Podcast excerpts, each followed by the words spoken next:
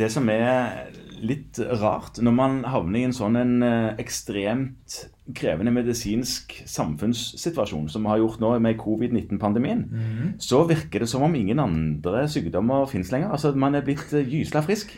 Ja, Ellers. og det er nok av den enkle grunnen at mange av pasientene har en tanke om at vi har det veldig travelt. At, at legen det travelt, ja. At legen har det travelt, og Ja. at helsevesenet har det travelt. Og, Ja. og sykehusene driver nå på å avbestille masse timer, utsette ting. Og, og det er bra. Det er klart vi skal rigge oss for en kapasitet. Mm. Eh, Men, men dere har sikkert òg her på kontoret merkt, eller på kontoret hos dere merkt at virksomheten egentlig har gått ned.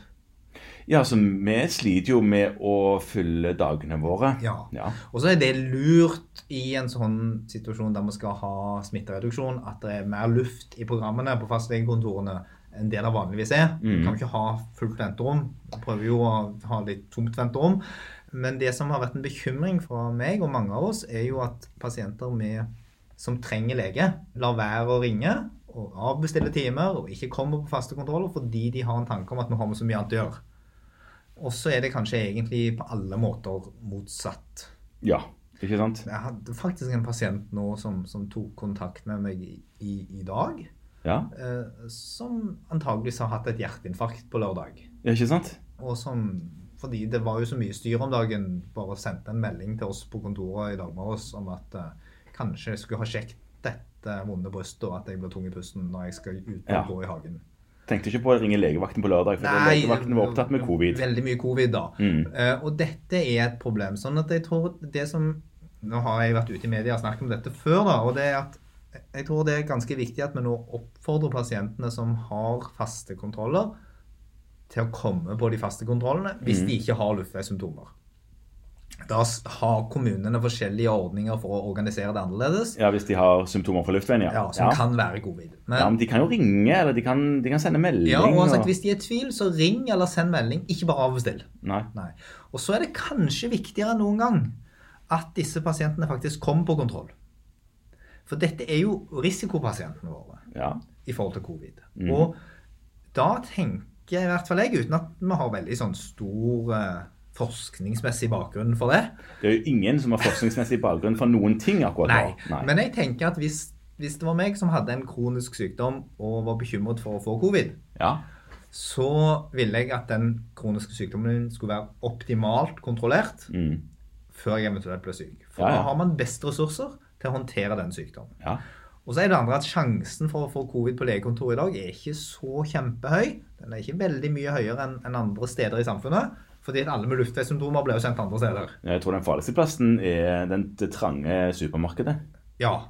Ja. Det, sånn at man må prøve å signalisere til pasientene våre at det er kanskje ikke så farlig å komme til fastlegen når de, vi har litt sånn kontroll på hvordan vi skal sette dette opp på kontoret. Ja, de du ikke får tak på, da, de som du vet er der, som eh, ikke vet om eller får fått med seg at de burde ta Ja. kontakt. Nei, og det, Der tenkte vi i hvert fall litt på at kanskje nå, hvis du er en av de fastlegene som har litt god tid, og vi har fått rapporter fra flere kolleger som har veldig god tid, Mm. så er dette kanskje tiden for å gjøre et litt sånn systematisk uttrekk av disse kroniske sykdommene. Kreft og astma og kols og hjertesvikt eller hjertesykdommer og diabetes. At man går rett og slett inn i journalsystemet sitt og trekker ut eh, statistikk på hvem det er. Ja, for det, det, og det har vi snakket om i andre podkaster, at det kan man gjøre i forbindelse med årskontroller og sånn. Ja. Og så kunne man jo kanskje rett og slett ha gått inn i journalen, kanskje fått hjelp av en, av en ansatt, hvis du har noen av de som har litt lite å gjøre også, Mm. til å finne ut denne er det lenge siden har vært her. Og så kan man da ringe de opp, prøve å få i gang, enten få de til å komme på en time, eller ta de på en video eller en e-konsultasjon, eller til og med en telefonkonsultasjon om det er det mest fornuftige. ja, for det er nå i en, i en overgangsfase så har man lov til å ta konsultasjonstakst på telefonen? Ja, det har man.